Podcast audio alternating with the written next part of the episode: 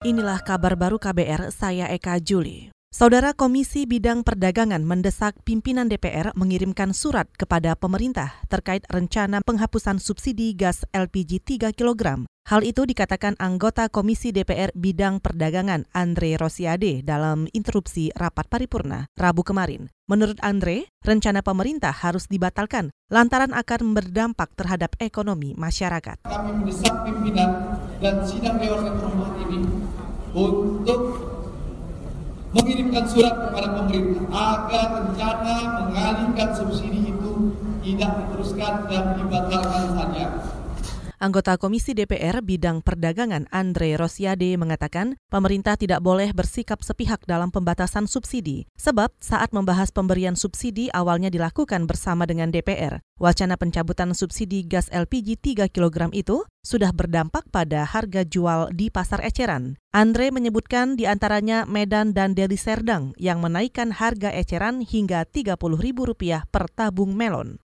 Saudara Menteri Koordinator Bidang Politik, Hukum, dan Keamanan Mahfud MD menegaskan Kejaksaan Agung siap menyelesaikan kasus Semanggi. Menurut Mahfud, bukan Jaksa Agung yang menyatakan kasus Semanggi 1 atau 2 bukan pelanggaran HAM berat, melainkan DPR pada 19 tahun lalu. DPR pernah menyatakan bahwa kasus Semanggi 1 dan 2 itu bukan pelanggaran HAM berat. Dulu DPR pernah mengatakan begitu. Tetapi kalau itu dianggap masih menjadi catatan, Kejaksaan Agung siap menyelesaikan. Tapi beritanya di koran, Jaksa Agung mengatakan Semanggi 1 dan dua bukan pelanggaran HAM. Padahal yang dikatakan dulu DPR pernah mengatakan dan sekarang karena masih menjadi catatan Kejaksaan Agung siap menyelesaikan itu. Dan... Menko Polhukam Mahfud MD juga menambahkan, perdebatan terkait hal ini tidak perlu dimunculkan kembali karena institusinya seperti Komnas HAM, Kejaksaan, dan DPR akan menyelesaikannya. Sebelumnya, Jaksa Agung mengeluarkan pernyataan bahwa Semanggi 1 dan 2 bukan pelanggaran HAM berat berdasarkan pernyataan DPR 19 tahun lalu. Koordinator Komisi untuk Orang Hilang dan Tindak Kekerasan atau Kontras Yati Andriani mengatakan DPR tidak memiliki hak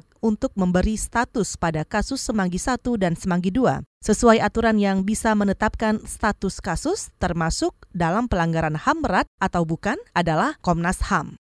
Kita masih soal hukum. LSM Kontras meminta ada pengawasan yang ketat saat polisi melakukan penyidikan terhadap tersangka. Pengawasan yang diperlukan untuk mencegah penyiksaan terhadap tersangka untuk mendapat pengakuan. Anggota Divisi Hukum dan Advokasi Kontras Arif Nur Fikri mengatakan, langkah itu diperlukan agar penyidik tidak semena-mena dan melanggar aturan saat memeriksa tersangka. Sebab jika praktik penyiksaan sudah terjadi, kerap kali sulit dibuktikan karena bekas luka sudah hilang ketika korban melapor. Buat saya gini, pertama harus ada penghukuman yang tegas terhadap pelaku-pelaku praktik penyiksaan. Karena kalau kita lihat dari beberapa kasus yang pelakunya itu masuk ke proses penyidikan, itu hukumannya justru jauh berbeda ketika ada masyarakat sipil yang melakukan penganiayaan dan segala macam. Gitu. Anggota Divisi Hukum dan Advokasi Kontras Arif Nur Fikri menambahkan, saat ini memang belum ada pasal khusus yang mengatur soal penyiksaan dalam proses penyidikan. Kata dia, langkah hukum yang bisa ditempuh adalah menyangkakan pelaku penyiksaan dengan pasal penganiayaan. Sebelumnya, praktik penyiksaan saat proses penyidikan disebut oleh Dede Lutfi Alfriandi yang didakwa melawan polisi saat aksi demo di kawasan gedung DPR Jakarta. Di depan majelis hakim, Lutfi menyebut disiksa penyidik dengan cara dijepit, disetrum, hingga disuruh jongkok untuk mengakui melempar batu ke arah polisi.